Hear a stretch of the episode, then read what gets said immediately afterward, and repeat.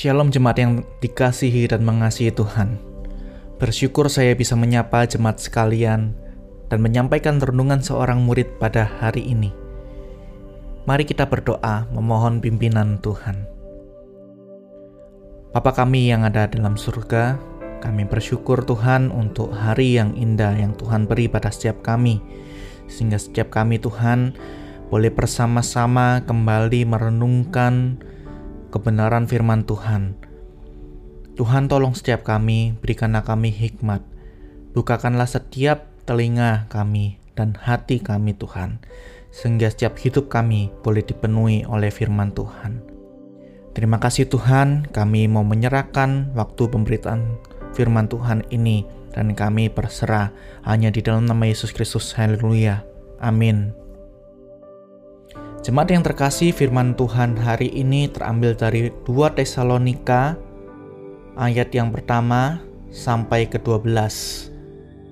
Firman Tuhan hari ini diambil dari bahan gema yang diberikan tema jemaat yang terus bertumbuh. 2 Tesalonika 1 sampai yang ke-12. Demikian firman Tuhan. Dari Paulus Silvanus, dan Timotius kepada jemaat orang-orang Tesalonika di dalam Allah Bapa kita dan di dalam Tuhan Yesus Kristus. Kasih karunia dan damai sejahtera Allah Bapa kita dan dari Tuhan Yesus Kristus menyertai kamu.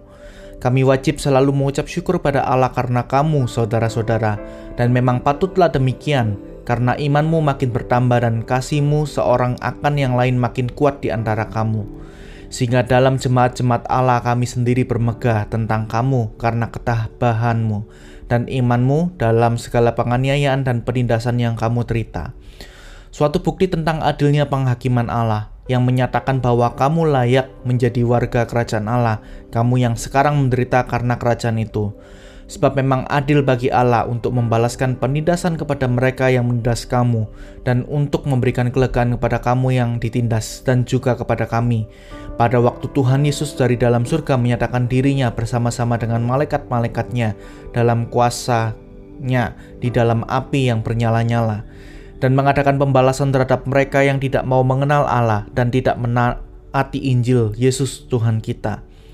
Mereka ini akan menjalani ke menjalani hukuman kebinasaan selama-lamanya, dijauhkan dari hadirat Tuhan dan dari kemuliaan kekuatannya. Apabila ia datang pada hari itu untuk dimuliakan di antara orang kudus-kudusnya dan untuk dikagumi oleh semua orang yang percaya, sebab kesaksian yang kami bawa kepadamu telah kamu percayai. Karena itu kami senantiasa berdoa juga untuk kamu, supaya Allah kita menganggap kamu layak bagi panggilannya dan dengan kekuatannya menyempurnakan kehendakmu untuk berbuat baik dan menyempurnakan segala pekerjaan imanmu. Sehingga nama Yesus Tuhan kita dimuliakan di dalam kamu dan kamu di dalam dia menurut kasih karunia Allah kita dan Tuhan Yesus Kristus. Jemaat yang terkasih, salah satu sukacita bagi setiap pemimpin gereja, hamba Tuhan, majelis, adalah pertumbuhan rohani jemaat. Seperti Paulus, Silvanus, dan Timotius mengatakan di dalam ayat yang ketiga, bahwa mereka bersyukur atas pertambahan iman dan kasih di antara jemaat yang semakin kuat. Bagaimana jemaat Tesalonika terus bertumbuh di dalam iman dan kasih? Di sini kita melihat jemaat yang terkasih bahwa ketabahan dan iman dalam segala penganiayaan dan penindasan yang jemaat Tesalonika alami derita membuat mereka semakin bertumbuh. Di sini kita belajar bersama-sama bahwa seharusnya mengalami penderitaan itu tidak membuat kita berpikir bahwa iman dan kasih akan semakin luntur karena adanya penderitaan. Berapa banyak orang yang kita ketahui yang hidupnya mengalami penderitaan, kesulitan, dan penindasan, menjadi kecewa dengan Tuhan, menjadi berbalik dari Tuhan, menjadi meninggalkan Tuhan, dan bahkan menghina-hina nama Tuhan. Pernahkah kita menjumpai orang yang baru saja doanya tidak dijawab oleh Tuhan? Dia sudah menghina Tuhan, mencari jalan alternatif. Pernahkah kita juga menjumpai ada orang yang dicaci maki karena mengikuti jalan Tuhan? Dan akhirnya dia menjadi minder dan takut untuk bersaksi akan nama Tuhan. Atau kitalah yang mengalami hal-hal yang seperti demikian. Cuman yang terkasih kalau kita melihat jemaat Tesalonika, mereka mengalami apa yang Rasul alami. Mereka mengalami penindasan dan penganiayaan karena iman kepada Tuhan Yesus Kristus. Oleh karena itu, Paulus, Silvanus, dan Timotius memuji pertumbuhan iman mereka. Melalui perikop ini kita tidak hanya melihat bagaimana Paulus dan rekan-rekan pelayanannya memuji jemaat di Tesalonika. Namun mereka juga memberikan penghiburan kekuatan kepada jemaat Tesalonika di dalam ayat 5 sampai yang ke-10. Paulus dan rekan-rekannya mengatakan bahwa Allah akan membela umatnya yang tertindas karena kerajaan Allah. Allah akan membalas segala penindasan dan memberikan kelegaan di tengah penderitaan yang mereka alami. Janji Allah yang disampaikan Paulus ini bersifat eskatologis, jemaat yang terkasih. Yakni apa? Janji itu adalah janji suatu jaminan surga bagi umat Allah dan hukuman api yang bernyala-nyala atau kebinasaan yang kekal bagi mereka yang tidak mau mengenal Allah dan tidak mentaati Injil Yesus Tuhan. Di ayat 8 kita bisa melihat. Selanjutnya kita juga melihat jemaat yang terkasih bahwa janji penghiburan, janji kelegaan itu bukan bersifat sementara atau hari itu juga terjadi, dirasakan Jemaat Tesalonika tetap akan mengalami penderitaan, namun ada kelegaan yang mereka rasakan. Karena apa? Karena ada janji kehidupan yang kekal itu dan tetap di dalam hadirat Tuhan. Pengertian semacam inilah yang juga harus kita miliki.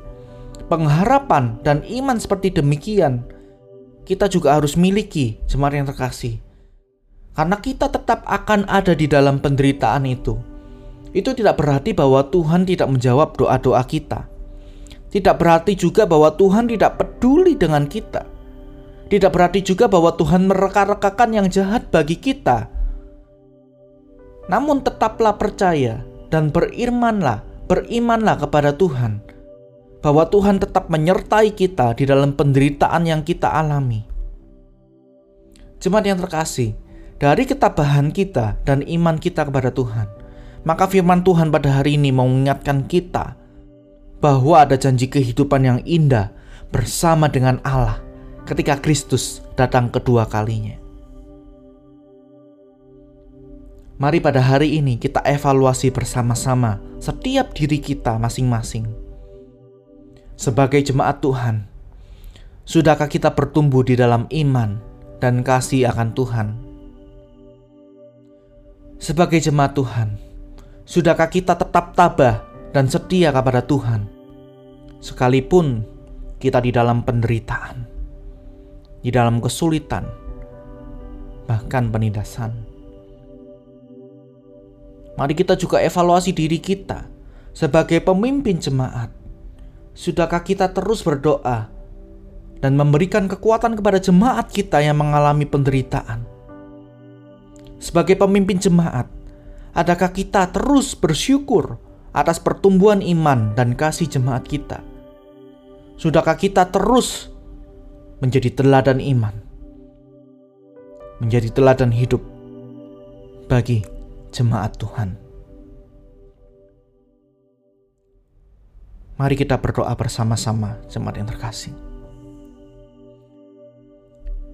Bapak kami bersyukur atas firman Tuhan yang kami baca dan kami dengar, dan kami renungkan bersama-sama ini Tuhan.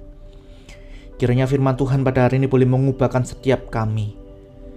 Kiranya firman Tuhan pada hari ini Tuhan boleh membuat setiap iman dan kasih kami semakin bertumbuh tiap hari demi hari Tuhan. Kami terus bersandar pada Tuhan, karena kami tahu bahwa Tuhan selalu menyertai kami di dalam keadaan baik dan tidak baik. Terlebih Tuhan, kami percaya bahwa ada janji keselamatan itu, ada janji kehidupan yang kekal yang sudah tersedia bagi kami yang terus setia di dalam jalannya Tuhan. Ajar kami terus untuk terus bersyukur ketika kami di dalam kondisi yang tidak baik, sehingga setiap iman kami terus boleh bertumbuh di dalamnya. Terima kasih Tuhan, kami menyerahkan kehidupan kami di dalam tangan Tuhan dan setiap aktivitas kami ke depannya.